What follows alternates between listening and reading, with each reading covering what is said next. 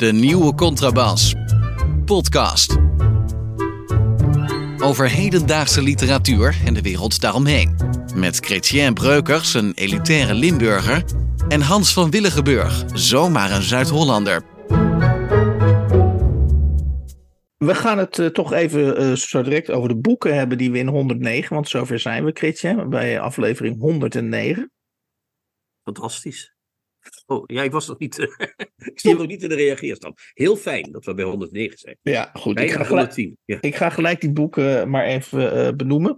We gaan vandaag bespreken Hiske Dibbets. Um, met haar. Uh, nou, is het een roman? Nee, het is niet echt een roman. Het is, het een, is terug... een, mem een, memoir, hè? Een memoir. Terugblik op haar leven onder de titel Niet Niks. Een jaar met de dood op mijn hielen. Dus dat wordt een. Uh, ja, maar goed, vul het zelf maar in. En dan hebben we. Een uh, gigantische steen heb ik hier in mijn hand. Uh, dat is namelijk uh, de biografie van Gerrit Kouwenaar. Het staat ook op de voorkant. biografie van Gerrit Kouwenaar. Dus dat zetten we er gewoon tegenwoordig gewoon bij. geschreven door Arjen, Arjen Fortuyn. En dat boek heet.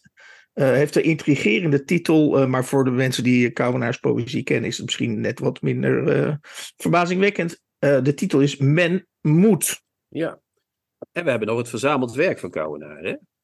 We ook nog, oh, dat gaan we, dat gaan we ook nog even. Ja, dat, ook nog even dat, wil je ook nog even bespreken. Dat jas ik er ook nog wel even doorheen. Ja, oh, dat, dat jas je er ook nee. Het Kouwenaar verzamelde gedichten, samenstelling en nawoord Mirjam van Heng. Oké, okay, nou goed. Ik dacht, ik had, we hadden ooit de ambitie om, om ons. Uh, uh, ja, maar hier heb ik toevallig heel veel in zitten lezen, deze. deze oké, oké, oké.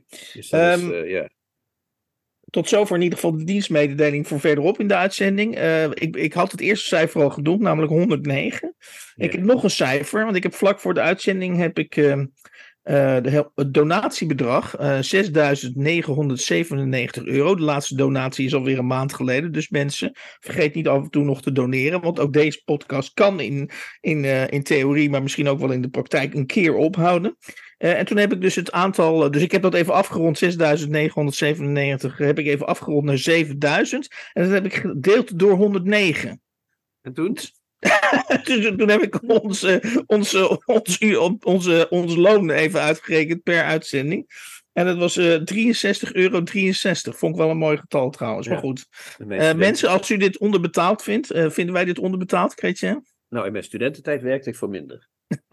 Oké. Okay. Maar ja, dat is, dat is alweer even geleden. Dat wel. Uh, goed, dit was dus een verkapte oproep, of minder verkapte oproep, om weer eens te gaan doneren. Subtiel, uh, ja. Heel subtiel. Um, ik begin even met een ingezonden brief in de Volkskrant, uh, die vanochtend ah, ja. in de Volkskrant verscheen. voor mensen die even op vakantie zijn geweest, of even de andere kant op hebben gekeken, of op een bankje hebben gezeten, of wat dan ook. Er is een nieuwe roman van Adria van Dis. Ja. Um, en die is, ik denk dat die al in de winkels is. En dat ja, gaat ja. Een, een, roman van Adria van Dis. Dat is, kunnen, we, kunnen we dat als een literaire gebeurtenis noemen? Of niet? Ehm, nou ja, het is geen literaire gebeurtenis, maar. het is een gebeurtenis. Het is wel een gebeurtenis, omdat van, di van Dis als gebeurtenis wordt gepercipieerd. Hoe zeg je dat? ja. Even een korte achtergrond. Uh, zijn nieuwe roman heet Naar zachtheid en een warm omhelzen. Ja. En zoals we van Adriaan van Dis gewend zijn, tenminste mensen die zijn oeuvre een beetje kennen, is dat opnieuw een terugblik uh, op, uh, op, op, zijn jeugd. Ja. Of delen van zijn jeugd. En in de, in de Volkskrant Magazine ja, werd hij geïnterviewd en er kwam dus een brief. Uh, en die, en in, die, in dat interview werd hij ook weer uitgebreid bevraagd over de sfeer in huis en over uh, zijn vader die hem sloeg en zijn, iets, ja, iets, ja, zijn, ja. zijn moeder, die een, een, zwijgzame moeder. Hij vond het uiteindelijk, geloof ik, na heel veel psychotherapie wel een goede balans uiteindelijk, of hij kon daarmee leven. En nu is er ook nog een huishoudster opgedoken. En toen kwam dus een reactie in de Volkskrant van iemand die zei: uh, ik, vind, ik heb heel erg zin in die roman. Ik, ik vat het even in mijn eigen woorden samen. Maar ja, dan komt zo'n uh, interview in de Volkskrant magazine. En dan, uh, ja, dan wordt mijn zin of mijn, mijn, mijn ja, die wordt eigenlijk verstoord. Kunnen jullie daarmee. En het verzoek was eigenlijk: kunnen, kunnen jullie daarmee ophouden met dat soort interviews? Nou, zo zegt hij het niet, hè? hij zegt, want het is niet zo'n lange brief. Het is Ron Roem, heet die man. Een goede ja. naam. Uit Stompe Toren. Dus dan weten we al hoe laat het is. Hè? Dan wordt het weer beuken geblazen, zeg maar. En uh, die Ron Roem die zegt, wat ik mij afvraag is, hoe het kan dat alle betrokkenen bij het interview met Adriaan van Dis, slash magazine 19-8, dus we hebben hier met een boomer te maken, Hans, want wie doet dat nog, zo uh, de nummers aangeven, ervan uitgaan dat het interessant is voor de lezer om te vernemen hoe Van Dis voor de zoveelste keer moet vertellen dat zijn vader, moeder, omgeving en zusters allemaal zo bepalend zijn geweest voor zijn schrijverschap. Persoonlijk heb ik al die informatie echt niet nodig om van zijn boek te kunnen genieten. Nou, en dan eindigt hij met dat Van Dis vraagt eigenlijk uh, dat Van Dis zou graag wat ordinairder zijn. Is ook een terugkerend iets bij Van Dis. Hè? Ja. Hij, ziet er, hij wordt altijd een beetje gezien als de keurige meneer. Ja. En dan zegt hij, ik wil niet weten waarom een schrijver iets schrijft. Ik wil het verhaal ondergaan en consumeren door mijn eigen empathische gevoelens, zegt Ron Roem dan. Hè? Ik wil geen verklaringen over of van de schrijver. Tot slot zegt Adriaan van Dis dat hij gevangen zit in zijn fatsoen en graag meer ordinairheid in zijn leven had toegelaten. Ordinair in de betekenis van onbeschaafd, neem ik aan. Misschien kan hij in de toekomst toch op een fatsoenlijke manier dit soort interviews weigeren. Hij heeft het echt niet nodig. Nou, ik ben echt. Ik vond het interview met, uh, met uh, Van Dis echt vreselijk. Maar ik vind deze brief zo mogelijk net zo vreselijk als ik eerst. Oké, okay, ja, ga, ga maar even. Ik begin even te hoesten, neem ik wel. Nou, maar dat, be beuk maar even in op stompe toren, zou ik zeggen. Dan. Nou, nou, nou, ik hoef er niet op in te beuken. Maar wat, wat is precies de reden? Kijk, die man die vindt dat geen goed interview. Dat is het ook niet, want het is van je babbel, de babbel, de babbel, de babbel. De babbel, de babbel. Uh, een van de vragen begint met je goede vriendin Ira van Dijk vindt. En dan komt er een heel verhaal wat hij vindt. En dan, oh ja, dat zou misschien wel kunnen. Weet je wel, dat soort interviews. Ja. Uh, maar die, die meneer Stompentoer, of uh, meneer. nee, die meneer, die meneer Roem, sorry. ja, was, uit Stompentoren, ja. Uit, uit Stompentoren. Ik weet niet eens waar dat ligt, Hans. Jij wel? Ja, dat ligt in West-Brabant. oh, is dat West-Brabant? Ja, ik kom er regelmatig langs in die is het, Ja, is natuurlijk een ontzettende boomer eigenlijk. Uh, want die kan ook gewoon drie bladzijden op, omslaan van zijn Volkskrant. Want ik neem aan dat dit, want dit, dit lijkt me iemand die nog een papieren krant heeft, eerlijk gezegd. Ja, oké, okay, ja. En dan, als hij ze omgeslagen heeft en niet leest, en dan het boek van Van Dis leest, dan, is het, uh, dan weet hij wat hij ervan vindt, toch? Ja, dan hoeft hij dat maar, je vond, maar je, je, ik dacht dat je die, die, de inhoud van die brief, uh, want nu geef je eigenlijk een soort praktische oplossing. Of vind, of ja, maar je ik, vind, ik vind dit soort, dat je dit soort brieven schrijft, dan moet je wel boven de 80 zijn. uh, en volgens mij is die man dat ook eigenlijk. Okay, okay. Ik heb het een beetje opgezocht. Uh, en dan heb je inderdaad het tweede aspect van deze kwestie, is dat het een verschrikkelijk interview was. Dat klopt. Mm -hmm. van, Nat, van Nathalie Huigesloot. En het mooie is dat het in de magazine Boeken uh, heeft Boven Houwelingen twee sterren aan het boek gegeven. Dus dat had uh, meneer. Uh, dan moet ik zijn naam echt goed Oh, er is al een. Oh, dat had ik gemist. Er is Ja. al een recensie. eh, Er staat 24 augustus, dus dat is morgen. Sta, er staat er morgen 25 augustus in. oh, oké. Dus dan had meneer eh, eh, Roem had een dagje moeten wachten, of een weekje moeten wachten. En dan had hij gezien dat hij eh, eh, het bevoegde gezag van de Volkskrant ah, eh, zegt: Nou, twee sterren is meer dan genoeg eh, voor dit, voor nou, dit gelul. ik, ik, ik, ja, ja, maar we hebben het boek niet gelezen, Ketje. Dus we kunnen Ja, maar je kunt er bij het Van Dis toch wel vanuit gaan dat het niet echt meteen top of the bill is, toch? Wel. Oh, oké. ik heb maar nou één goed. keer een leuk boek van hem gelezen, dat is over die moeder. Dat vond ik nog wel aardig. Oké, maar. Oké, oké, oké. Jij, heb jij veel van Van Dis gelezen? Ik heb wel het een en ander van Van Dis gelezen en ik wil in ieder geval Bo van Houwelingen. Eh, kijk, ik, ik vind het wel, want ik heb het, eh, jij- dat is goed van jou, want ik, eh, maar ik begrijp dat het nog verschijnt, die recensie, maar ik, ik heb hem dus nog niet gelezen. Ik heb Nee, het boek ook nog niet gelezen. online. Maar, Maar ja, het is, ik, je weet, ik reageer vaak journalistiek. Ik vind het wel lef van lef getuigen dat boven Houwelingen sowieso, eh, dat ze dus bij twee ballen uitkomt. Want dit is nou typisch inderdaad. Als je, jij hebt het altijd over die, die machtige boeken, boekenlobby of die machtige boekwinkellobby en die hele ja, die wordt hiermee in de weg gezeten. Ja, Ja, die, die dus met andere woorden een, een klein plusje voor Bo, zou ik bijna Ja, zeggen. net hè? zoals eh, toen Thomas de Veen eh, twee sterren gaf voor eh, Ilja's boek. Eh, en dat was ook Ja. toch behoorlijk eh, met interviews Ja, maar nu, nu lijkt het Maar net... het- en het- en het net- ja, ja, nu lijkt het net alsof wij sowieso critici die twee ballen durven a- a- Nee, nee, nee, uit te delen aan, aan gereputeerde schrijvers of wij die per definitie eh helden of heldinnen vinden. Maar Nee, Enfin. wat, wat, ik, wat ik waardeer is dat mensen durven in te gaan tegen een hele stoot publiciteit. Dat waardeer ik. Ja. Ik zal ook eens wel eens op vier, vijf sterren uitkomen. Ik heb hier nog een andere gedachte bij, Hans, als ik die mag zeggen.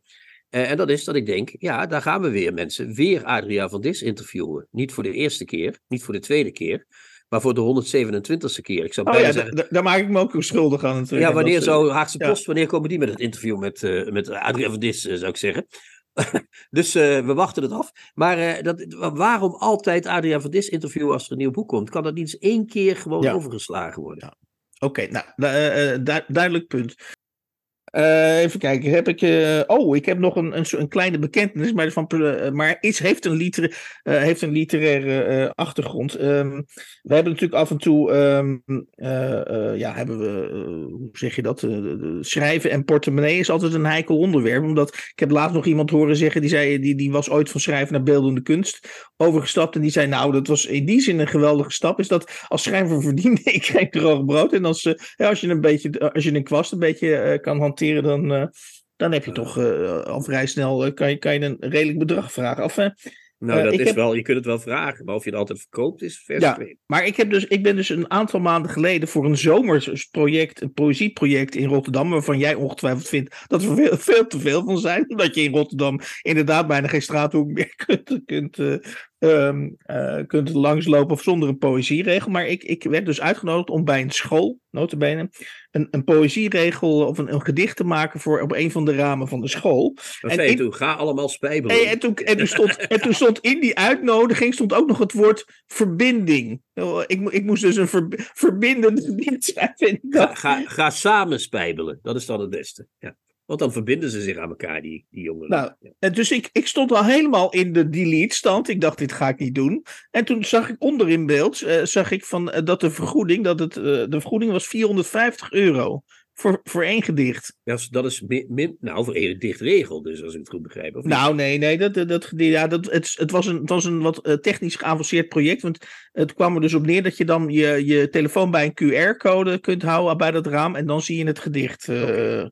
Maar goed, dus, als, je, ja, als je altijd 450 euro per gedicht zou krijgen, zou ik ook weer dichter worden. Dat is wel. Uh... Ja, dus met andere woorden, de, de, de bekentenis is dus dat ook ik uh, en wij met onze al of niet principiële houding, dat ik een, uiteindelijk uh, een gedicht heb gemaakt dat, dat onder het kopje verbindend nu op, op een schoolgebouw te zien is in Rotterdam. Ja, ik weet niet, Hans, wat ik hierop moet zeggen, behalve dat ik op zijn minst tien wezen groetjes en tien onze vaders van je verwacht. En toch ook wel een, af, een, ja, ik weet het niet anders. Ik kan het gewoon niet beschrijven wat ik nu denk. Nee, laten we dat maar zitten. Dat is goed. Tips van de week. Boeken, artikelen of pamfletten die boven het maaiveld uitsteken. Dan zijn we aanbeland bij de uh, hoofdmoot van elke nieuwe Contrabas podcast. En dat is het bespreken van de boeken. Ja, wat ze vroeger in Duitsland het Dreh- und Angelpunt. Oké, oké. Ehm, uh, we beginnen dus met Hiske Dibbets. Uh, Hiske Dibbets uh, heeft een, drie jaar geleden, grosso modo, de diagnose kanker gekregen. ze is inmiddels overleven. sorry, over, overleden. En um, ze heeft over haar laatste jaar, vooral over haar laatste jaar, heeft ze inmiddels het boek geschreven. Een memoir, zoals uh, Chrétien dat zo mooi kan zeggen. Onder de titel Niet Niks. Met de ondertitel Een jaar met de dood op mijn hielen.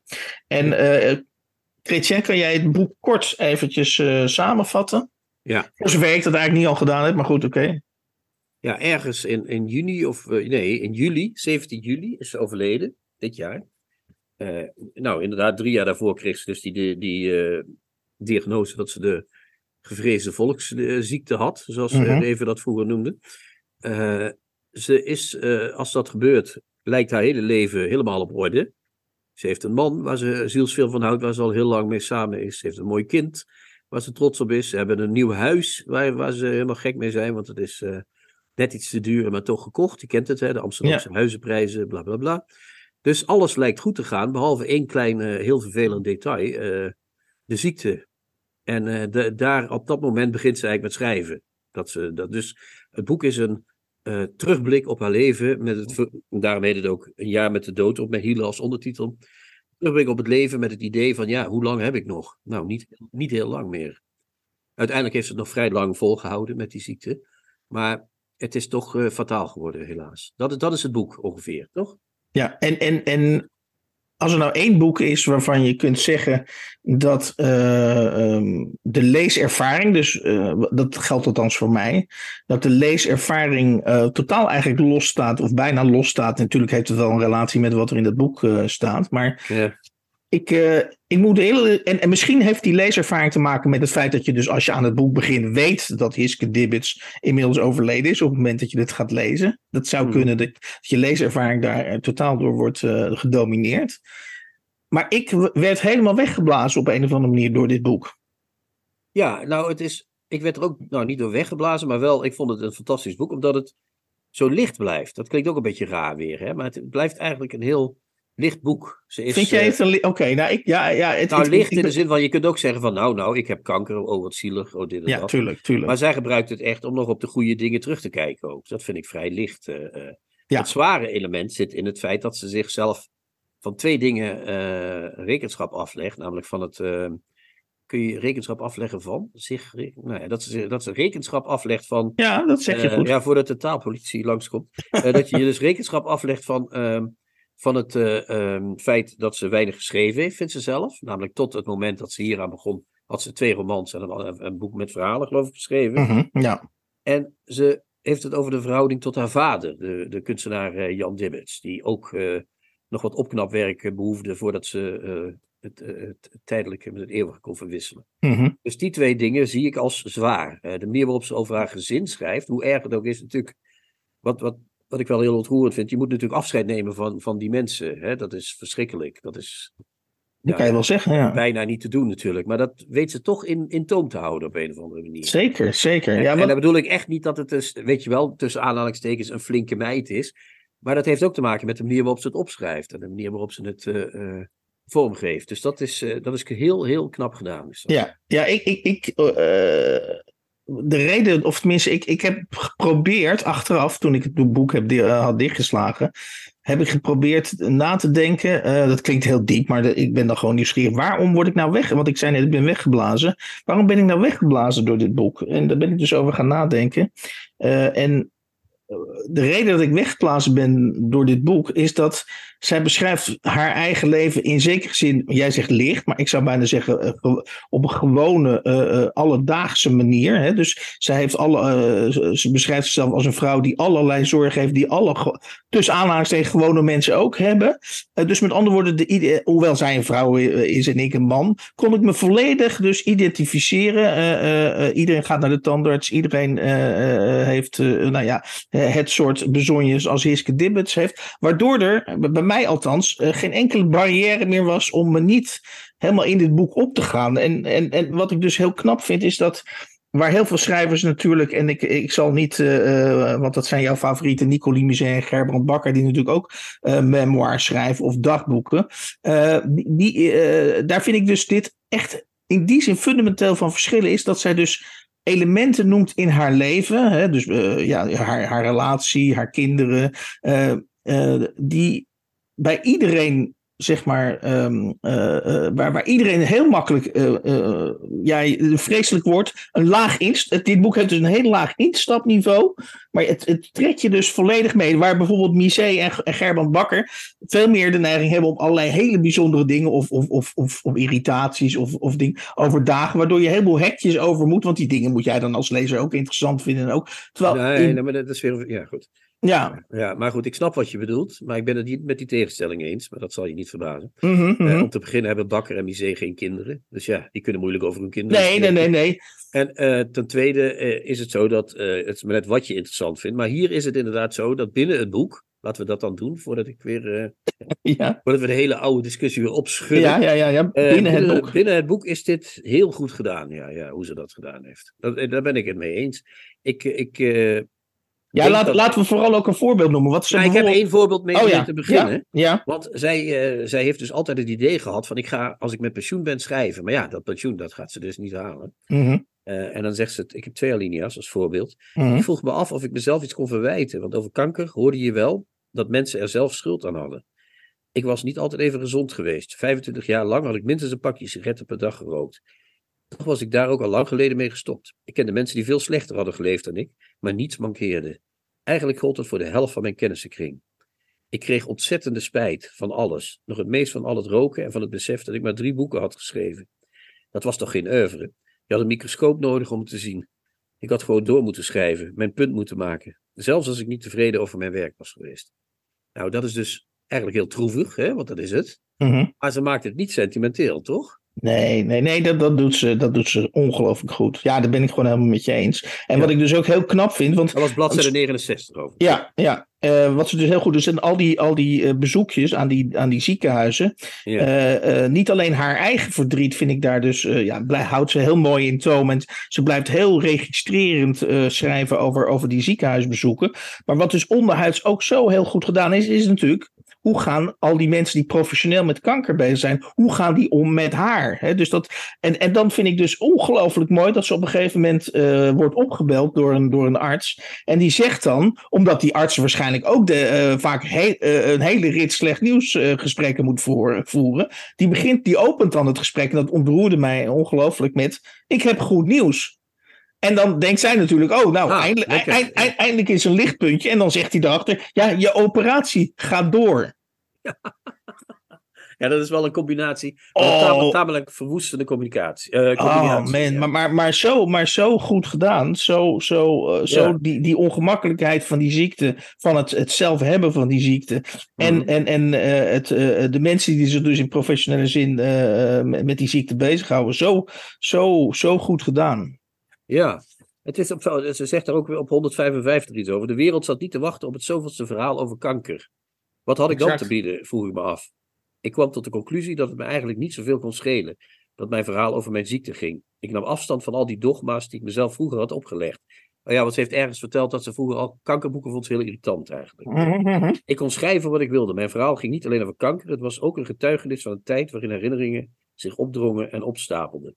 Onder dat gewicht was zich een afdruk aan het vormen van mijn leven. Dat is ook mooi, hè? Onder dat gewicht was zich een afdruk aan het vormen van mijn leven, zoals een fossiel in een steenlaag. Dat proces wilde ik vastleggen. Jammer van het woord proces, maar goed. Omdat een mens uiteindelijk niet veel meer is dan zijn herinneringen, begon ik te beseffen. Maar goed, dat het hele beeld van dat afdruk, dat er dus een afdruk, als je dus aan het, als je aan het afsluiten bent, ontstaat er dus een afdruk van iets. En dat is dat boek ja, dat, dat is toch ook een ontroerend beeld, vind ik zelf. Eh. Ja, ik, en, en, en dan op het ene, het ene en laatste hoofdstuk. Uh, waar, en je verwacht natuurlijk bij zo'n boek, tenminste als lezer, zij speelt natuurlijk met die verwachting dat je natuurlijk denkt van nou, dit boek gaat eindigen op het sterfbed. Maar dat doet het, dat doet het heel nadrukkelijk niet. Uh, hoe het dan wel eindigt, dat, dat zal ik niet verklappen. Maar dan is op pagina 224, dan spreekt ze, en dat vind ik ook, ook weer vallen in die categorie die ik net noemde, van iedereen heeft wel een oudste vriend of, een, of iemand of een vriend of een vriendin van de middelbare school waar je nog mee, mee omgaat. En dat is in het geval van Hiske Dibbets is dat Juna. En dan staat er op pagina en, eh, en, en, en Juna en zij die, die kennen elkaar nog en die hebben elkaar regelmatig, uh, of die hebben hun vriendschap levend uh, gehouden. En dan schrijft ze op pagina 224. Juna en ik spraken zoals we dat al meer dan 40 jaar deden. Weet je wel? Dus, dus gewoon even letterlijk gewoon beschrijven zoals het is. Over verschillende, dus niet, niet iets particuliers, nee, gewoon zeggen zoals het is. Juna en ik spraken zoals we dat al meer dan 40 jaar deden. Over verschillende onderwerpen tegelijk. Terwijl we elkaar steeds onderbraken met opmerkingen als: Ik moet je nog iets grappigs vertellen. Help me herinneren. Mijn vriendin sloeg haar arm om me heen. Ze vroeg hoe ik me voelde. Ik antwoordde dat het goed ging. De ziekte was gestabiliseerd. Dat was het hoogst haalbare in mijn situatie. Nu was het mijn doel geworden, let op, nu was het mijn doel geworden om mijn leven te rekken. Al moest ik daarvoor tot het eind der tijden in een chemokuur. Ja, ja, dat is wat, ja, ja. En, en wat, me dus, wat me dus opvalt is de eenvoud, en dat, dat, ik denk dat dat, dat uiteindelijk is, de eenvoud van de taal van de Hiske uh, Dibbets, uh, die mij echt werkelijk uh, ja, eh, achter wat ik zei, heeft, heeft, heeft weggeblazen. En dan zit er nog één, één, één ja, bijna anekdotisch gegeven in het boek, wat ik, wat ik niet zou willen missen, of ik wil het niet op mijn konto hebben dat ik dat gemist heb in dit boek. Namelijk dat zij, eh, naast het feit dat ze vindt dat ze meer had moeten schrijven en dat ze dus met, in die zin met spijt of met een soort wroeging terugkijkt op haar leven, is het, is het natuurlijk zo dat zij uh, voor uitgeverij Prometheus op een gegeven moment lector is geweest. En, en, en dus aanhaalt dat zij de originele, of zeg maar de eerste versie van uh, Komt een vrouw bij de dokter van Kluun uh, onder, oog ja. onder, onder oog heeft gekregen. En die heeft afgewezen, inderdaad. Ja, en dan is ze daarna heel bang wat Mike Spijkers zal zeggen. Als ja, ja, ja, precies, precies. Nou, die was daar redelijk ontspannen over. Maar ja, bestsellers genoeg bij Prometheus. ja. En de, en, de, en, de, relatie met haar vader is ook mooi, vind ik. Hoe ja. Maar goed, we zijn uh, wel rond en we vervallen misschien. Nou, ik, ik, ik, wil nog één opmerking maken. Ik ben dus, ik vind dit zo goed, dit boek, uh, uh, dat ik denk van Uh, ik ben bang dat dit inderdaad, uh, en dat vreest zij zelf uh, ook in dit boek, dat dit inderdaad op het hoopje kankerliteratuur of literatuur over kankerpatiënten terechtkomt. Ja. Maar ik vind het, dat zou ik onverdiend vinden. Ik vind dit boek wel nog een, ergens een, een, een, prijs of iets in de spotlights waard. Ja, helemaal mee eens. Okay. Geldt dat ook voor het volgende boek, Hans?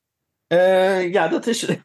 dat, Goeie vraag, hè? Ja, nou ja, ik, ik, ik, ik, ik, ik buig een beetje door. Ik val met mijn hoofd bijna op de laptop, want het is nogal een steen die we nu gaan behandelen. Ja. Het is een steen van meer dan 500 bladzijden en geschreven door Arjen Fortuyn uh, in zijn dagelijks leven.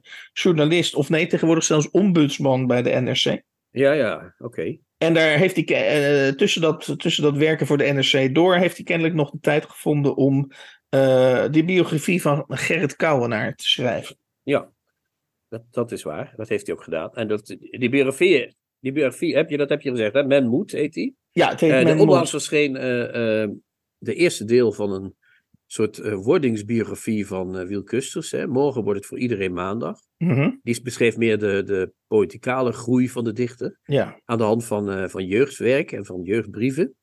En dit is meer het levensverhaal wat verteld is. Ja, de inleidende opmerking die ik zou willen maken, en dan geef ik de vloer weer aan jou, is dat als ik, de, uh, uh, laat, ik het, laat ik het anders zeggen, zonder naam en rugnummers te noemen, ik ken wel schrijvers die uh, een opdracht krijgen om een biografie te schrijven, en die dan op een gegeven moment zeggen, nee, ik doe het toch, maar dat is toch een heidenskarwei, dat, ga dat gaat me niet lukken.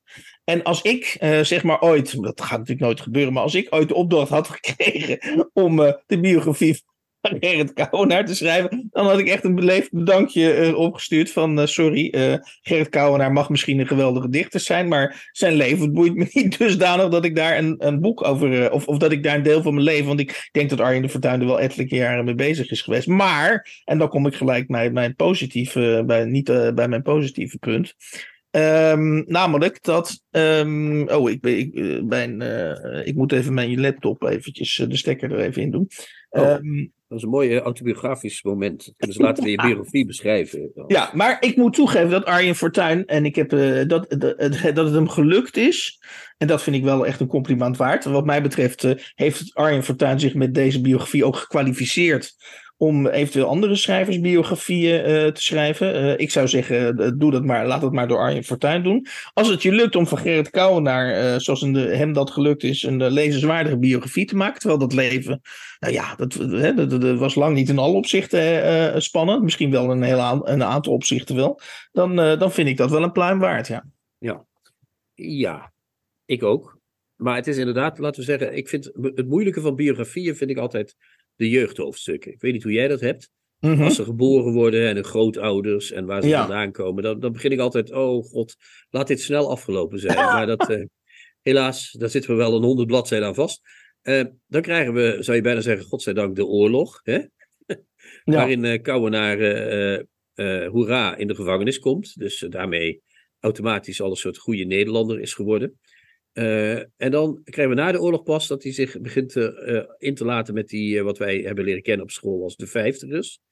Ik denk niet, ik weet niet of dat nog een, nog een, ja, dat, nog een dat, term is die nog, nog iedereen wat zegt. Maar voor de jongere luisteraars. Voor de jongere luisteraars, dat waren er rond 1950 debuterende dichters die zich hadden voorgenomen om de Nederlandse literatuur op te schudden. Ja. De prachtige regel, er is een lyriek die wij afschaffen.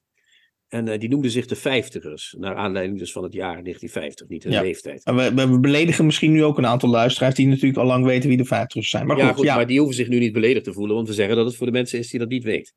Uh, maar, dus die, dan, dan, dan begint het voor mij een beetje interessant te worden. Ik weet niet of jij dat ook hebt. Nou ja, ik, ik denk dat, goh, uh, dat wil ik wel eens weten hoe dat is. Maar ik heb ook het idee, uh, in die biografie van Fortuyn, dat ik dit allemaal al heel vaak gezien en gelezen heb, ergens hier en daar. Uh, er zijn natuurlijk al biografieën van Elburg en van, uh, van uh, Schierbeek uh -huh. en van Luc Joubert zelf.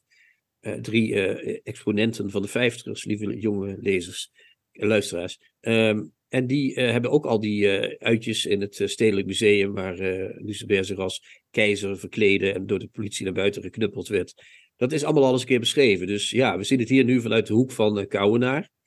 Maar het, het, is wel literatuurgeschiedenis geworden al. En het wordt nog een keer opgekookt. Dus dat is jammer, zou ik zeggen. Ja, en, en wat, ik, wat ik wel een interessante parallel vind, is dat, um, nou, dat he, die titel, die, valt, die is natuurlijk Men Moet. Hè, dus, dus, ja, dus, gedicht van Kouwenaar. Dus, Kou, ja, ja, zeker. Dus Kouwenaar vond het in ieder geval, uh, ja, dat was denk ik zelf wel een techniek die hij bijna zijn hele dichterschap wel lang heeft volgehouden. Is dat hij dingen depersonaliseerde. Dus we hadden het niet over, vaak niet over ik of over jij, maar over men. Ja. En, en wat mij dus in en ik weet niet of dat, of dat Arjen Fortuyn dat bewust gedaan heeft, maar uh, mij viel op, kijk, ik leer dan de middelbare, kijk, dan, dan, in de jeugd leren we de middelbare school kennen, dan leren we zijn vrienden kennen, dan gaat hij verhuizen naar Bergen, dan leer je iets over Bergen, dan komt hij bij de redactie van de waarheid, dan leer je iets over de redactie van de waarheid. Ja, hij is een vuile communist ook nog eens een keer. Nou ja, precies. Hè, dus, dus, Althans, maar, dat vinden sommige andere schrijvers. Dat ja, maar wat, wat, wat er dus eigenlijk steeds gebeurt is dat, dat, dat in plaats van, hè, de, uh, het is een onhero, dus het is ook onheroïs opgeschreven, in de zin dat hij, hij, hij, hij figureert eigenlijk deels tegen die verschillende achtergrond. Op een gegeven moment, ja.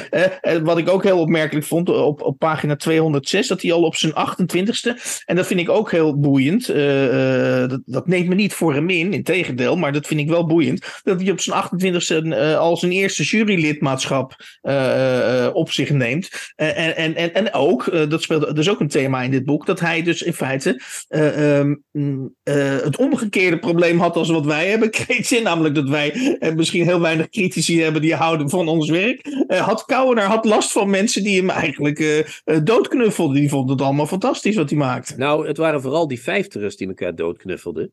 En die kregen op een gegeven moment via tijdschriften zoals Podium en, en kranten. Die kregen in het begin niet, dat duurde een paar jaar, maar op een gegeven moment kregen die de macht. Tussen aanhalingstekens. Mm -hmm. En toen konden die ineens elkaar schaamteloos allerlei opdrachten toespelen, prijzen geven enzovoort. Dat is nog een hele tijd doorgegaan. Toen zou je dat nog, op zijn 28e zou je nog kunnen zeggen, dat is een soort correctie op, op wat zij vonden dat uh, moest verdwijnen. Hè? De lyriek Mhm. van uh, Roland Holst en de lyriek van uh, al die hoornikjes van voor de oorlog en Jan Engelman, dat moest allemaal weg. En zij moesten daarvoor in de plaats komen.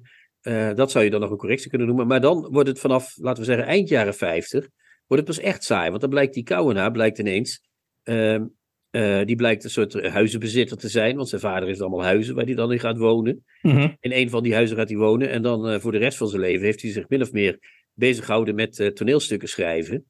En gedichten maken. Eerst trouwens. Ja, en vertalen, dat deed hij ook. Ja, nog. toneelstukken vertalen. Sorry, ja. ik zei schrijven, vertalen. en wat hij wel, wat ik wel moet zeggen, hij heeft met zijn gedichten lang moeten um, duwen en trekken voordat hij echt werd gezien als een groot dichter. Dat is wel, dat heeft toch wel echt een tijd geduurd. Ja, ik, ik, ik, citeer Arjen Fortuyn letterlijk als in, uh, dat hij zegt dat hij in 2002, dus dan hebben we het over deze eeuw, dan is Gerrit Kouwenaar al boven de 70, uh, dat, dat hij uh, pas in twee, 2002 doorbrak, ik, ik citeer letterlijk, naar een groter publiek. Ja, dat is ook zo. Hij was altijd, als je de verkoopcijfers ziet, in de tijd, in mijn jeugd, toen ik net begon te lezen, eind jaren 70, begin jaren 80, was hij wereldberoemd in Nederland, zou je kunnen zeggen. Maar werd hij nog niet helemaal serieus genomen. Kouwenaar, uh, Komrij moest er niet veel van hebben. Uh, er waren veel critici die Kouwenaar maar een coole kikker vonden, hè, van die gedichten. Ja. ze had zo'n bundel die heette Volledig Volmaakt Oneetbare Persik. En er werd ook gezegd, ja, dat zijn die gedichten van hem, die oneetbare perziken. Dat is niet, niet te harde, niet te hachelen. en het, maar dan zullen we het zo meteen, als we het werk van Kouwenaar nog wat dichter in de, onder de loep nemen... Uh, dus hij heeft wel lang moeten duwen en trekken. En dat vind ik de interessantste hoofdstukken uit het boek. Ja. Uh, en, en toen hij eenmaal het lek boven had, en dat is laat in zijn leven geweest, toen werd hij ook ineens een soort uh, knuffeldichter. Er werd een soort Remco Kampert uh, avant la lettre. Oké, okay, nou ja, dat knuffelen, dat, dat, dat heb ik, uh, dat, daar heb ik niet zoveel verstand van. In de zin van, ja. wanneer, wanneer is iemand een knuffeldichter? Ja, op een maar... moment wordt dat dan zo iemand die altijd wordt uitgenodigd. En die altijd, als die voorleest, staan mensen in diepe, intense stilte te kijken naar dit wonder. Ja. wat is afgedaald van de Parnassus om ja. zich aan de mensheid te tonen. Dat is wat Kouwenaar natuurlijk een tijd gehad heeft. Ja, wat, wat, ik, wat ik interessant vind aan, aan de figuur Kouwenaar en dan redeneer ik even terug vanuit 2023 uh, uh, uh, naar het verleden dus. Is dat je. Um, het, het, het Kouwenaar was nou echt typisch zo'n dichter. die dus inderdaad voor mensen die dat nog, nog niet op hun netvlies hebben staan. Die bleef eindeloos schuiven. Dat, dat benadrukt Fortuyn ook, dat hij eindeloos bleef schuiven en, en, en met woordjes en dan weer doorstrepen. En, en soms had hij iets een half jaar liggen en dan, dan keek hij er weer eens naar en dan, dan viel hem, dat, dat bij een van zijn bekendste gedichten, vol, geloof ik zelfs, uh, vol, nou ja, even de titel van wil ik vanaf wezen, maar dat dan uiteindelijk dat hij na een half jaar uh, de verlossing bracht door één woordje toe te voegen of door er één af te halen en dat hij dan het idee had. Dus, dus hij beantwoordt zeg maar aan een heel klassiek soort mythisch dichterschap uh, ja, dat op dat hij, punt. Ja, dat heeft hij heel slim uitgebuit, inderdaad. Hij is echt, hij is echt het niet. Hij was zo van uh, dichten, dat is niet zomaar wat hoor. Dat is uh, een gedicht. Hij, een van zijn uitspraken uit de jaren 60 is ook: een gedicht is een ding. En heel veel mensen vielen dan in katzwijm van een gedicht is een ding. Maar ja, misschien was dat toen niet normaal of zo om dat te zeggen. Maar ik mm -hmm. zie daar toch niet meteen de meerwaarde van, eerlijk gezegd. Nee. En nu lijkt het net alsof we die biografie aan het afkraken zijn. Dat is niet waar. Kijk, Fortuyn heeft ook Kauna in zijn beetje onhebbelijke kanten ge, ge, ge, geschetst. En dat heeft hij niet achterwege gelaten. Ik vind hem eigenlijk een beetje een saaie judokus. Uh, die, die, die dat sowieso, zou ik bijna die zit zeggen. Daar maar, die zit of in zijn huisje in Frankrijk. Maar wat ik wel moet zeggen is dat ik, ondanks het feit dat dat... Dus, en er zijn ook mensen... De weduwe van Remco Kampert vindt hem heel onaardig, omdat hij gierig was, bijvoorbeeld. Staat er Ja. ook in. Ja. Vind ik heel grappig, vind ik dat. Ja, dat is natuurlijk niet netjes om dat te zeggen. Maar die heeft dus blijkbaar zelfs na de dood van Kouwenaar, zoveel jaar later, nog zoiets van, nou... eh, Ja, en, Oh, en, die en, je, en, je, en je- keer. ja, en je prijs, begrijp ik, eh, Fortuyn voor het feit dat hij ook die onaangename kanten van de Ja, dichter, dat hij eh, niet heeft gedacht, er is nog familie van, eh van. Kouwenaar en dat ga ik niet doen. Ja. Eh, hij heeft ook wat andersom werkt. eh Kouwenaar had een enorme hekel aan Vinkenhoog. Hij vond dat echt gezweef. En dat is het ook natuurlijk. Maar Kouwenaar, dat laat hij ook staan. Hij, hij denkt niet van, eh, ja, eh, de- Mhm. ik- hij houdt hem niet eh, van de altijd maar eh, met elkaar overeenstemmende eh vijftigers. Die, die trouwens wel de hele tijd aan elkaars vrouw zitten te plukken. Was dat niet Ja, zo dat goed, ja, of niet? Ja. waren net, waren net voetballers, zou je wijzen. Ja, nou, het, een punt wat hij misschien, wat hij laat, ja, maar dat, dat klinkt zo belerend, dat bedoel ik eigenlijk niet. Want ik, vind, ik ben het helemaal met je eens dat het een, als je, kan, als je deze opdracht krijgt en je maakt dit boek ervan, dan ben je gewoon wel goed bezig. Het is echt Ja, dat is echt geweldig. Hij, hij kan het. eh, Kijk, ik vind het heel soms een klein beetje. Maar ik zou- wat, erop snel aan te, wat erop aan te merken is licht aan Kouwenaar, zullen we zeggen. Niet aan Arjen Fortuyn, wat mij betreft. Maar eh, Nou, als hij bijvoorbeeld zegt. Kouwenaar zou zich niet meer laten verleiden tot links-revolutionaire vergezichten. Ook niet hun collega's als Harry Moeders zich lieten betoveren door de Cu- Cubaanse revolutie. Dan hangen we toch tegen het tantebedje aan, hè? Vind je niet? Eh, dat ja, is- dat oké, oké. Dat soort zinnetjes. Maar, Maar oké, ik wilde... maak van Kouwenaar zo'n boek. Dan, heb je wel, dan ben je wel vier sterren. Zeker, zeker. Maar wat, eh, wat één, één punt wat, wat ik eh, dan zelf. Maar nogmaals, ik, dat, zo bedoel ik niet dat. Ja, je kunt niet alle, alle punten maken in een biografie, je moet keuzes maken. Dus het is flauw om te zeggen waarom heeft hij deze keuze niet gemaakt. Maar ik zelf ehm, ben wel gefascineerd door zijn, inderdaad, zijn beginjaren voor. eh, en, en, en ook door zijn vader, die natuurlijk ook voor. Journalist, hè? Ja. Ja, journalist was. Ehm, Van het Vrije Eh, Volk of niet? Nee, hè? nee, hij was voor de, nieuwe Rotterdamse Courant. eh, Oh ja, ja. Dus mij. voor, het, het, voor NRC. Wat, de ja. helft van wat vroeger. eh, Ja, sterker nog, hij, hij deed voor, voor, de, voor de Rotterdamse krant eh, eh, NRC deed hij verslag van Amsterdam. Dat was een, wel een Oh. grappige. Wel, grappig. Vanuit Rotterdams perspectief een soort straf, zeg maar. eh, Toch of niet? Ja, maar wat ik dus, heel, wat ik, wat ik dus een, een, een interessant thema vind, wat, ik, wat, wat hij verder niet uitwerkt, en nogmaals, dat neem ik hem niet kwalijk, maar dat communistische verleden, dat communistische gedachtegoed, en dat weigeren om in, eh, en dat dus blijven in men blijven denken, in massa's, in, in, in, in, in groepen. Eh, en, en, dus, en dus eigenlijk een, een soort permanente afkeer van het, van het particuliere eh, wat er in zijn eh, werk zit. En dat, vond, dat, had ik, dat had ik wel. Daar was ik eigenlijk Oh. wel nieuwsgierig naar. Want, want communisten, zo zijn natuurlijk communisten natuurlijk ook in werkelijkheid. Die vinden, al die, die vinden men iets al snel particulier. En die, zijn, die zeggen al snel van eh, ja, maar het gaat om de klasse en om, om, om, om het collectief en om, om, om, de om de strijd. eh, ja. ja. ja. En, Maar dat, eh, daar heeft hij misschien toch altijd een beetje een tik van gehouden. Al was hij qua vermogensbeheer geen communist bepaald. nee, hij was dus. Hij, is hij dus was behoorlijk rijk op de duur, eh, bleek. Ja, dus hij wat wil hè, dus in zekere zin een bourgeois communist werd het uiteindelijk. Biefstuk socialist. Of een biefstuk socialist. Ja. Maar, Maar goed, ik- jij wat wil ik- de hele tijd over zijn gedichten beginnen. Ik, ik denk dat Nou, we, wat, ik- wat ik betreft de, biografie hebben we ons zegje wel denk ik wel gedaan. Ja, ik vind het een. eh, een, eh, nee, nee, want hij heeft ook van Oorschot gedaan, Fortuyn. En dit is eh, tweede, zijn tweede biografie. En ja, ik zou zeggen, dat ombudsman, dat kan iedereen doen. Ik zou zeggen, hup, hup, volgende biografie. Ehm, het oeuvre van Kouwenaar, dat is dus ook, net als dat leven van hem, hij heeft het echt eruit moeten slaan en uit moeten eh, bikken. Dus dat hele verwerken van dingen en steeds maar laten liggen, is ook niet voor niks uh, geweest, denk ik. Want zijn eerste bundels, hoe leuk die ook zijn, daar zitten nog veel woordspelingen in. Daar zitten nog veel, uh, uh, veel politieke dingen in. Er is ook heel vaak politiek be, be, be, bevlogen. Mm-hmm. Elba, Sint Helena komt later. Ik sta op Elba en draag een bloedjas, hè, weet je wel, van Napoleon. Dus het is geen, geen hij is een politieke jongen. Ehm, dan op een gegeven moment, als hij dan naar dat gedicht als een ding toe, toe evolueert, dan heeft hij zo langzaam, heeft hij zo lang lopen wrikken aan de taal dat hij hem heeft. Hè? Dat begint een beetje bij landschap en andere gebeurtenissen. En dan dat volledig volmaakt oneetbare persik, wat, wat we al hadden. Dat zijn nog een beetje tussenbundels. En dan zou je kunnen zeggen dat het bij Blind van de Vlek en het ogenblik terwijl echt begint. En dan begint hij heel bekend te worden met Geur van verbrande veren. De tijd stond open. En met, dat, met de beroemdste bundel van hem, uh, Totaal Witte Kamer natuurlijk. Ja, hè? ja. En toen kreeg hij, toen ging hij gedichten schrijven die en afstandelijk waren, met dat men. Hè? Men moet nog dit, men moet nog dat. Zoals in de titel van de biografie terugkomt. Mhm. Uh, en die uh, persoonlijk waren, toch. Je voelde onder die. Het is net alsof hij een heel dik deksel legt op die gevoelens die hij heeft en daar dan uh, Mhm. gedichten van kookt. Hij, wil, hij zegt ook de hele tijd: Ik wil die gevoelens er niet bij hebben. Maar ja, dat is net alsof hij hem toch te veel af, uh, te snel afzet. Ja, en daarin lees ik dus toch een, heel, een, een soort vreemde aberratie van die communistische opvoeding. Maar goed, oké, okay, dat, mag die, af, die afkeer van gevoelens, hè, dus dat, dat is een Ja, soort ja, ja. taboe. Ja, misschien, Maar goed, misschien is het ook een beetje de tijd, hè? Die mannen van die generatie, net als mijn vader of zo, ik weet niet hoe jouw vader was, die praten niet over gevoelens. Of die Nee, zeiden dat, niks eh, van, vroeger was het zus of vroeger was het zo. nee, klopt. die, die, dan, mag je, dan moet je met je vrienden, heb je het daarover een beetje. Verder eh, niemand. eh, Maar hoe, hoe, Al dat- ervaar, je- hoe ervaar jij nou die, die kijk, want je, heel nuttig denk ik, dat je dat even in periodes opdeelt en dat een soort ontwikkeling van, van Kouwenaar schetst. Ja. Ehm, maar is het nou, is het bij die poëzie, ik, ja, het lijkt nu net alsof jij mijn, eh mijn professor bent, ik ben een soort studenten die st- Nee, nee, nee, nee, nee, nee. nee, oké, maar, maar dat meen ik wel. Kijk, hij was dus een dichter die heel lang dingen liet liggen, er heel lang mee puzzelde. En, ook, en, en zelfs, er zijn in die eh, documentaire Totaal eh, Witte Kamer, of hoe, eh, vol, eh, hoe, nou goed, eh,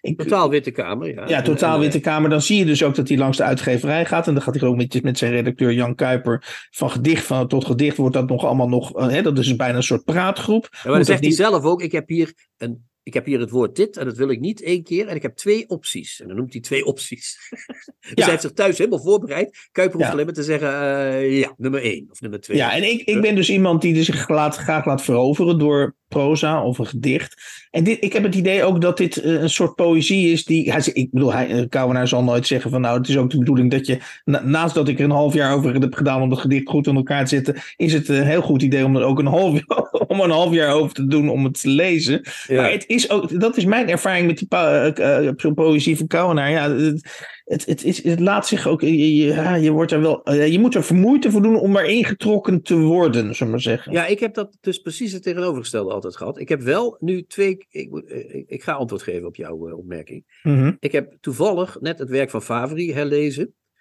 Dat is wel een echte boomeropmerking. Hè? Ik heb het werk van Hans Favri herlezen. Maar goed, Nee, is dat- Maar anyway. En ik heb het werk van Kouwenaar herlezen. En je zou kunnen zeggen dat het werk van Favri over het geheel genomen bijna perfect is. Dat je, eh, eh, daar zie je weinig zwakke plekken in. En het werk van Kouwenaar, daar zie je in het begin toch wel vaak dat je denkt, nou, dit uh, weekje slaan we even over, lieve mensen. Hier gaan we even niet naartoe. Uh, pas op het laatst heb je echt dat, dat, dat, dat meesterschap, hè, zou ik zeggen. Die, Mhm. die, die echte grip op de dingen. En zelfs dan heeft hij nog soms dat hij heel vaak het woord ledigt zich in taal gebruikt. Of dat hij toch een beetje stoplapjes begint te krijgen. Mhm. En, en, maar, maar dat wil niet zeggen, nogmaals, net zoals over de biografie. In zijn beste gedicht heb ik hem altijd behoorlijk ontroerend gevonden. Uh, Ja. Zullen we, er, zullen we er eens eentje doen? Die, Doe er maar uh, eentje, ja, ja, ja. Het is niet zo'n klassieker, want die, die staan overal al. Hè, dus daar heeft iedereen... Uh, dat heet Terwijl men tafelt. En dat is uit de, uit de bundel Totaal Witte Kamer. Dus uit zijn uh, laatste grote bundel. Oké, okay, terwijl men tafelt, ja. Ja. Terwijl men tafelt, worden de doden steeds doder. Zoals deze bladzij zich voedt met zijn woorden. De ene erft het mes, de ander de lepel. De een eet zijn vlees, de ander zijn goden. Levens geleden was er een morgen. Men hoorde de vogels, men was niet geboren. Het zal niet baten, er is niets te ontkomen aan een avond als deze. De volledig bestaande, de tafel, de witte, met lokaas beladen. En dat men onsterfelijk is en zal doodgaan. Nou, ik zou bijna zeggen dat zou als motto bij, uh, bij Hiske Dibbets kunnen, kunnen dienen, toch? Dit vind ik wel Zeker. een ontroerend gedicht, niet? Of heb jij nog zoiets van, hier zit toch zit mij afstand Nee, nee, nee, nee, nee, nee, nee, nee, nee. Dus, uh, maar, maar wat ik, wat ik ook. Als, als, ik, als ik het lees, dan, dan of, uh, dat, zijn poëzie lijkt daar ook toe op te roepen. Uh, tot een soort totaal, uh, om het woord totaal maar even te herhalen, een totaal passieve houding van een soort totale, uh, een soort fatalisme of een soort uh, ja, non-actieve houding tegenover de dingen, inderdaad. Ja, dat weet ik niet. dat, dat is, zo, komt het op toch... mij, zo komt het althans op mij over. Maar je hebt hier een geur van verbrande veren uit diezelfde bundel. Mm -hmm. hè? Dus die bundel, die heet zo. Men komt thuis, het is maart, men ontsluit. Nou, men komt thuis, hè? dus niet men. men, men, ja, maar je, maar men, je, maar... Dus de, de, manier waarop het wordt geformuleerd is al men komt thuis, weet je wel? Dus alsof er een. Uh, alsof er, Alsof, ja. je dat, alsof dat een passieve men komt thuis. Ja, dat, ja, vind maar, ik een heel mooi voorbeeld eigenlijk. Van, je, van dat passieve wat er over, dat, over, dat, over die poëzie heen wordt, uh, wordt Maar gelegd, jij bent ook ja. wel een keer thuisgekomen. Dus jij weet, hé, hey, er is hier... Ja, maar je, dat heb ja, ik maar ook je kunt het... Het is maart. Hoe concreet wil je worden? Uh-huh. Men, men ontsluit het verwinterde huis. Af zijn gebrek hebben webben gestrikt. Meeeters verteerd. De uil door de schoorsteen de dood ingedreven. Uh-huh. Nou, dit is gemakkelijk op het eerste gezicht. Afstandelijk. Maar wat staat hier eigenlijk? Wat, wat zegt hij? Hij zegt hier iets van. Hij komt volgens mij in maart na een winter in een huis Mhm. terug. Dat zal dan. Hè, dat is de alarmbel die wij nu weten. Dat is zijn vakantiehuisje geweest. Maar je kunt het ook uit de tekst opmaken. Dus zo Ja. afstandelijk is hij hier niet. De vloer vol hulpeloos dons, de boeken kalk, wit bescheten, de glazen aangruizels op het eeuwige bed, een proper karkas met machtige vleugels. Dus dat is die uil die zich daar te pletter heeft gevlogen in de winter. Hè. Die heeft natuurlijk honger gekregen, gedacht ik wil eruit, ik wil eruit, maar dat kon niet. Wat heeft men gedaan vandaag? Takken geraapt, de kwijnende vlier beklaagd, vuur gestookt van afval. En dat is het einde. En dan eindigt hij met Mhm. iets, ook nog een signature dish van eh Kouwenaar. Hij eindigt met het beletselteken, hè? Met zo'n liggend streepje, lang Ja, ja, liggend ja, streepje. ja, ja, ja, ja, ja. Dus hij, het eindigt ook niet, het gedicht. Maar je komt hier, je bent hier. Dit kun je helemaal volgen met de tekst. Je bent hier, je komt een huis in, daar, ligt, daar is een uil dood gegaan. En je hebt wat om dat huis heen geschokt en gedaan. En wat afval verbrand. ja. Het lijkt weinig, maar als je het zo leest, is het toch. Ik, bij mij komt het wel aan. eh, eh, Oké, ja, ja, ja, ja, ja. Maar het woord shocken, jij gebruikt zelf het woord shocken. En dat, dat vind ik ook wel mooi gekozen in verband met eh Nou ja, ik, zag hem, ik zag hem een beetje rondschokken op die film, moet ik eerlijk zeggen. Dus toen was hij ook al wat ouder. Dus hij zal vroeger wel wat Ja, harder gelopen hebben. Maar goed, maar dat werk en het leven, die hangen dus heel erg samen. Dat kunnen we wel concluderen na het lezen van deze twee boeken. Is het een leuke man? Nee. Is het, zijn het goede gedichten? Nou, ik denk dat honderd gedichten van hem mo- moeiteloos kunnen overleven. Dat lijkt me ook al heel wat. En als we dan willen weten hoe, wie die man was, kunnen we altijd nog terugvallen op de boeken van eh Fortuyn. En eventueel, als je nog echt in de ideeën van Kouwenaar geïnteresseerd bent, dan kun je als academicus nog naar Kusters toe. Dus het is honderd jaar geleden dat hij geboren is, maar we zijn wel, nou, verwend wil ik niet zeggen, maar we hebben wel iets gekregen in ieder geval. Eh, Eh, wat mij betreft sluiten we het dossier Kouwenaar hiermee af. Ja, men moet nog eindigen. Ja, dat gaan we nu doen. Dan. Tommy. Chrétien reageert op de nieuwste schrijfsels van succesauteur Tommy Wieringa. Dan zijn we weer terug. En eh, voor velen onder onze luisteraars, denk ik, eh, met een grote, die slaken een zucht van verlichting. Namelijk dat we weer aan een nieuwe Tommy kunnen beginnen. Ja, we moeten ons een beetje warm lopen, Hans, want binnenkort komt eh, Nirvana uit, de roman van eh, Tommy. Ja, en Dus wat voor roman? Ja, een- eh, je mag wel zeggen vuistdikke eh, roman over het klimaat, hè, dat, over de klimaatcrisis. En eh, daar moeten we dus even een beetje warm voor lopen. Daarom gingen we de columns van Tommy weer eens lezen. En wat wil het fantastische toeval nu, Hans, dat de column van Tommy van 18 augustus 2023 gaat over toerisme en klimaatverandering. Dus Hans, hier heb je eigenlijk een Ilja Pfeiffer en een Tommy Wieringa in één. Mhm. Zomaar in, in, in één column heb je Sa- sa- samengeperst, samengeperst in één kolom. en, en in wat voor column, Hans? Ik, ik lees gewoon de eerste alinea. Het is, de verleiding kan ik niet verstaan. Op vis in de Adriatische Zee kwam het toerisme pas laat op gang. Het eiland vervulde een strategische rol in de Koude Oorlog. Joegoslavische marineschepen lagen er voor anker in toverachtige blauwe baaien. Pas in 1989 werd de bijzondere militaire status van het eiland opgeheven en werd het eiland vrijgegeven voor toerisme. En nu komt hij. Alsof je je dochter uithuwelijkt aan een hooligan. Prachtig, hè? Hoe die in één alinea weet hij de wereldgeschiedenis van de Koude Oorlog. Ja, Uh, zich afspelend daar in Kroatië, aan de grens inderdaad van, uh, van het communistische Joegoslavië. Ja. Weet hij met, met, met, met, met een soort familiekwestie, namelijk alsof hij je dochter uithuwelijkt aan een. Dus Ja. het toerisme is eigenlijk net zo erg als 40 jaar communisme, Hans. Dat is wat het is. Dat staat hier eigenlijk. Het is een, een, bijna, de Kouwenaar zou zich er niet voor geschaamd hebben, maar eh, misschien. Ah, juist wel, want hij was communist. Maar eh, eh, het is Ja, nogal het, een het, beweging. mooie van, het, mo- het mooie van dit proza is dus, als je zoals ik rond die tijd ook in Joegoslavië geweest bent en je leest dit terug in 2023, dat je denkt, nou, Ja, ik, ik was daar toch historisch bezig. zeker, dat, zeker. en dat, dat is, dus, dus, dus, dus Tommy zet alle lezers ook een klein beetje op een sokkeltje. Dat doet hij natuurlijk heel slim. ja, ja, ja, ja, ja, dat is waar. En dan komt hij, de volgende, dan begint hij met: In een kerk in Kun je bidden tot Our Lady of the Pirates. Ik denk dat ze dat daar in het Kroatisch zeggen. Maar goed. Dat is niet het enige wat op het eiland aan Leonard Cohen doet denken. Ik ken het nummer niet van eh, Our Lady of the Pirates van Leonard Cohen. Maar dat bestaat blijkbaar. Nu komt hij ook weer. Ik ging naar de avondmis. mis. De kerk ligt aan een kiezelstrand. De deuren stonden open naar de baai. De banken waren voor driekwart gevuld. Er werd prachtig gezongen. Een goede kerk doet altijd een beetje denken aan een god. De toevlucht van onze lieve vrouwen van de piraten leek van binnen op een verscholen godskerk waar een clandestien geloof werd beleden. Tommy zoomt nu in. Hè? Eerst maakt hij het heel breed, de geschiedenis. Nu gaat Tommy, de Tommy, gaat naar mis, Hans. Naar gewone, waarschijnlijk katholieke of orthodox-katholieke mis. Waar hij dan naar binnen gaat. En die mensen zullen zich rot geschrokken zijn daar, zeg maar. Al die Kroaten, hè, die zien daar ineens...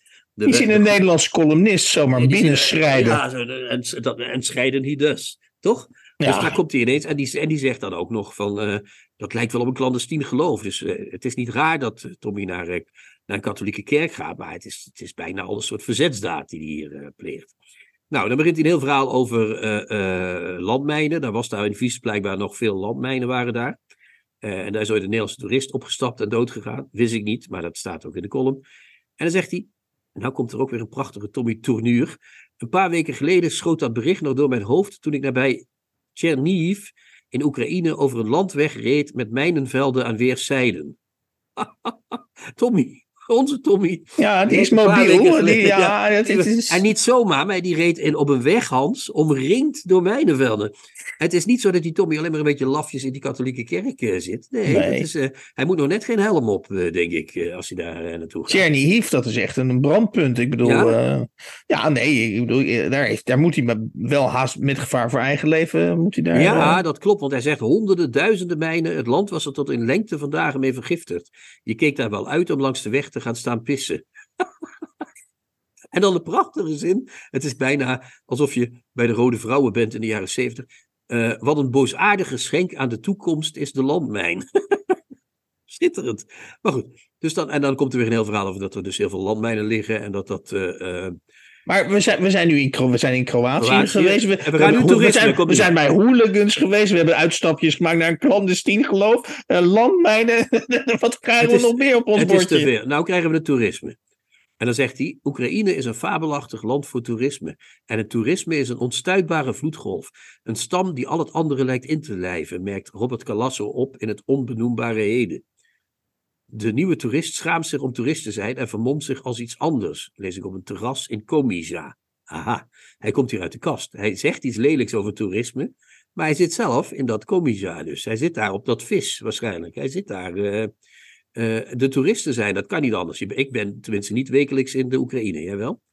Behalve als Tommy Nee, maar wacht ik ben nu de draad kwijt. Want Komisa, is dat nu... Is Dat dat is nu waar die kerk staat in Kroatië, waar die Oh, oké, ja. ging. eh, ja. Dus dat is op dat eiland, eh, of op dat eh, stuk wat vis heet waarschijnlijk. Ja. Dus dat is denk ik dat het is. En eh, dat is zeker zo dat het is trouwens. Ehm, dus daar zit hij dan. En dan begint hij een soort mea culpa, want het is tenslotte een katholiek stukje dit. Ik heb veel illusies over mezelf. Soms, sommige koester ik, andere heb ik opgegeven. Waaronder die van een bijzonder soort eigenheid. Het was door Google en Booking dat ik met mijn gezin in Komija terecht kwam. Het was TripAdvisor die me op het bestaan van de Onze Lieve Vrouw van de Piratenkerk wees. De platformeconomie is de digitale infrastructuur van de massamaatschappij. Als datapakketjes van vlees en bloed bewegen wij toeristen met miljarden tegelijk over de door haar gebaande paden. En dan, ik erken het gezag van de maatschappij. Ik ben ingekapseld in haar comfortabele uniformiteit en verdwenen in de anonimiteit van de categorie. Die van een laat-middelbare man die aan een terrastafeltje op zijn bestelling wacht, nadat hij eerder die dag in een zeeegel is gestapt. Nou Hans, dan verwacht ik niet zo heel veel meer van die roman over de klimaatverandering, eerlijk gezegd. Als dit soort, als dit soort berusting nu al bij Tommy begint in te slaan in de columns, dan denk ik, nou, eh, dat wordt nog wat. eh, met, Maar ik eh, moet die column even nalezen dan, want het- dit is jouw onderwerp, zeg maar. Dus jij Nou, bereidt hij die, die is- Tommy voor. Maar ik begrijp dus nu, dus hij zit in Kroatië, maar hij was opeens bij die, bij die landmijnen in, in Oekraïne. Dus wat ja, is- want in Vis, in Vis op de Kroatië, daar lagen ook heel veel landmijnen. Van de oorlog natuurlijk, tussen de Serven en de Kroaten. Ah, ja, dat ja. zei hij ook. Er was een Nederlandse toerist een keer op gaan staan en toen Ja. dood gegaan. Dat maakt een associatie met zijn eigen goeddoenreis naar de Oekraïne. Oh, ja. en, en dan kan hij daarop associëren. En dan kan hij het toerisme te grazen nemen. Ja. En dan zegt hij, ja, maar ik ben zelf ook zo'n toerist. Dus ik vind het jammer dat eh, Tommy, eh, die toch niet van de zelfverheffing, eh, die gaat daar niet met zijn rug naartoe zitten, dat er zo'n be- berusting over hem is gekomen. Het is, Ja. het is, het is zorgwekkend. Zou die dadelijk, wordt hij nog katholiek of zo? Dan ga ik, word ik zelf wat anders, denk ik, eerlijk gezegd. Oké, dus, ma- dus de slotconclusie is, je maakt je een beetje zorgen. Of, Ja, niet, alleen, ik denk- niet alleen om Tommy, maar ook of we deze rubriek wel, eh, wel kunnen... Ja, want wat, wat wil je nou een klimaatroman schrijven als je zelf met je hele gezin in een vliegtuig naar Kroatië gaat en daar dan een beetje het milieu gaat zitten verpesten in dat, eh, op dat eiland? Ja, en geen enkele illusie meer hebt dat je aan de platformeconomie kunt ontsnappen. Nee, dan, dan is de illusie al weg. Dus wat moeten wij dan nog met die. Dan moet, die roman moet toch wel echt iets heel bijzonders staan. Wil dat nog wat worden? Denk je niet? Gaan we het lezen of niet? Ja, we gaan het natuurlijk lezen. We gaan het lezen. Maar ik wil wel tegen Tommy zeggen: als er nog veranderingen kunnen worden doorgevoerd. Ga eens even kijken nog. eh, ja.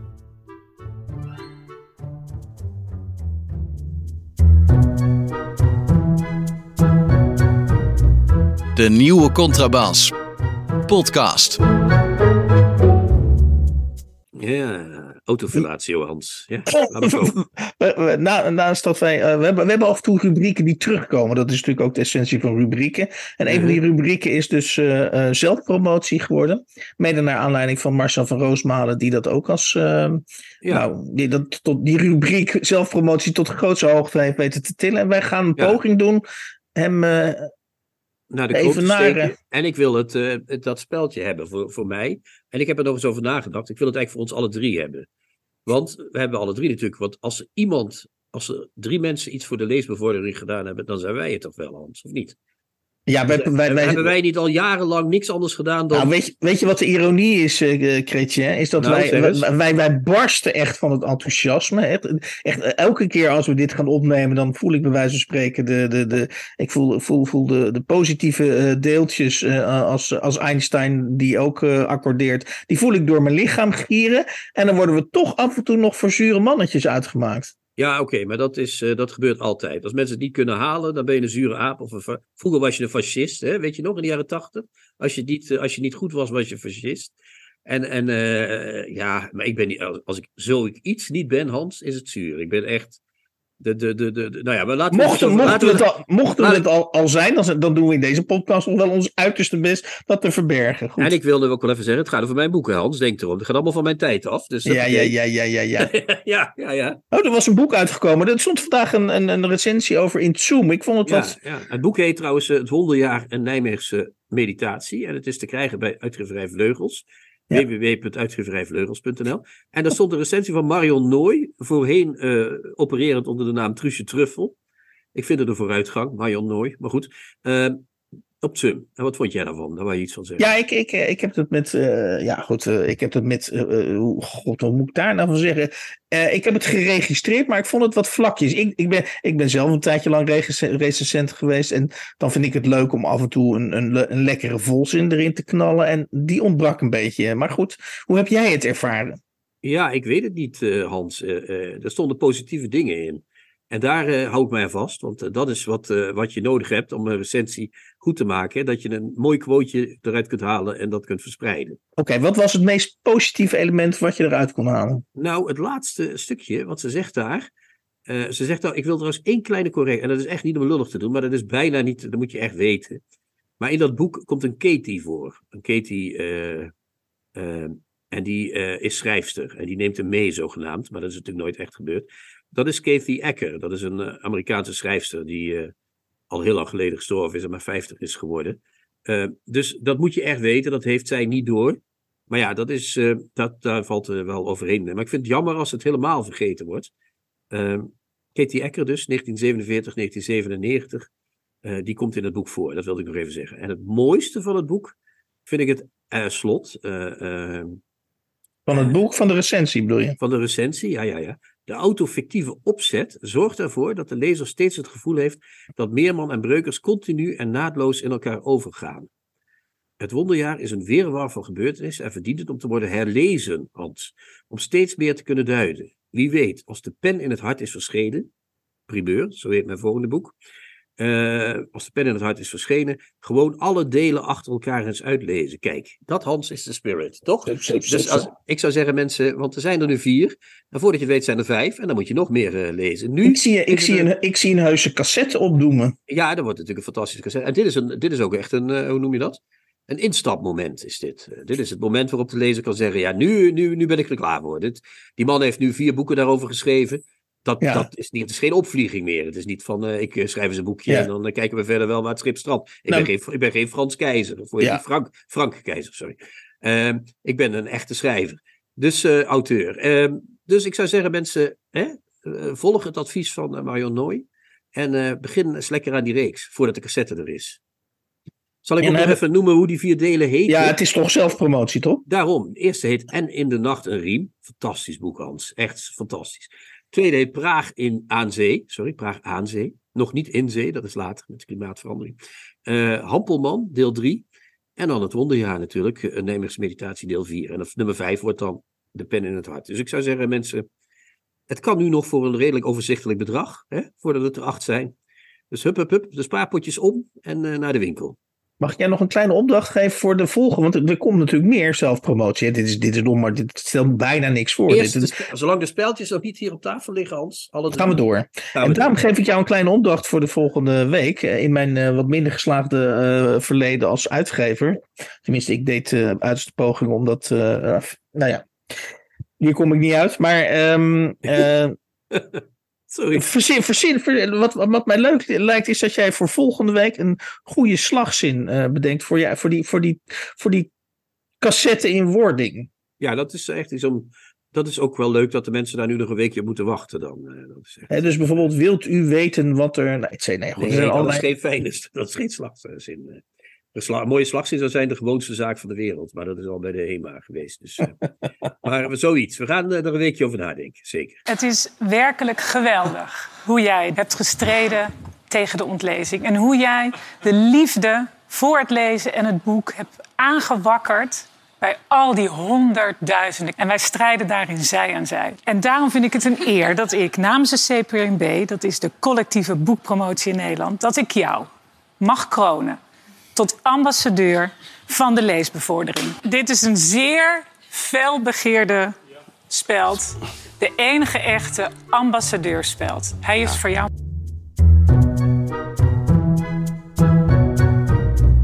De nieuwe Contrabas. Podcast. In de 109e aflevering van de nieuwe Contrabas podcast uh, kwamen, uh, ik kwam woorden tekort eigenlijk. En ik hoop dat het toch overgekomen is, dat enthousiasme van mij. Over het boek Niet Niks, uh, met de ondertitel Een jaar met de dood op mijn hielen van kunstenaarsdochter Hiske Dibbets. Echt een geweldig boek. En niet alleen omdat. maar dat is wel weinig. Hè? Het is niet alleen kunstenaarsdochter, zoals schrijver. En, ja, ja, zeker. zeker maar dan lijkt het net alsof ze alleen maar kunstenaars Oh, nou, corrigeer me, corrigeer me. Ja, ja. En dan bespraken we na Hiske Dibbets uh, de uh, lijvige biografie van Arjen Fortuyn. Uh, die Gerrit Kouwenaar, ik kan wel zeggen, voor zover hij zelf niet leefde, maar hij leefde wel, brengt Arjen Fortuyn hem tot leven in die biografie. En die luistert naar de naam Men Moed en is verschenen bij uitgeverij Querido in 2023. En ja, en we maakten dan een klein bruggetje naar het verzamelde werk, getiteld Verzamelde Gedichten van Gerrit Kouwenaar. De, uh, en die uh, bundel is samengesteld en van een nawoord voorzien door Mirjam van Hengel.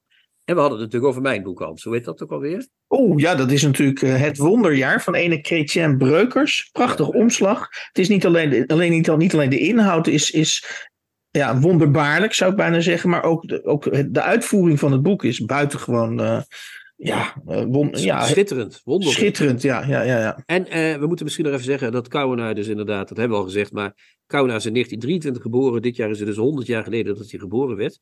Dus Hans, als we maar oud genoeg worden, krijgen we vanzelf een biografie. Dat is de les die we van deze aflevering geleerd okay. hebben. Eerste speltje binnen, zou ik zeggen. Ja. Ja, en het zou heel fijn zijn, lieve luisteraars, als we um, bij de 110e aflevering, dat we net over die grens van 7000 euro uh, zijn ge gekropen. Want we zitten daar nog 3 euro vanaf. Dus er moet iemand uh, kunnen zijn die zijn zakken even leegt en uh, nog 3 euro vindt. Dat hoop ik ook, ja. ja fantastisch. Ciao, ciao, lieve luisteraars. Tjoe, tjoe. De nieuwe Contrabas podcast wordt gemaakt door Chrétien Breukers, Hans van Willigenburg en Erik Lindenburg. Kijk jij ook elke week uit naar de nieuwe Contrabas podcast? Voeg dan de daad bij het woord en word officieel supporter. Dat kan al vanaf 1 euro per week, oftewel 52 euro per jaar. Draag je ons een heel warm hart toe, dan kun je ook Golden Supporter worden voor 104 euro en Platinum Supporter voor 208 euro per jaar. En wat krijg je daarvoor terug? Dan luister je met nog meer plezier naar ons uitgesproken geluid wekelijks over literatuur. En wat je ook geeft, ga naar gofundme.denieuwecontrabas.blog. Nog één keer? gofundme.denieuwecontrabas.blog. Hup, hup, hup. Hup.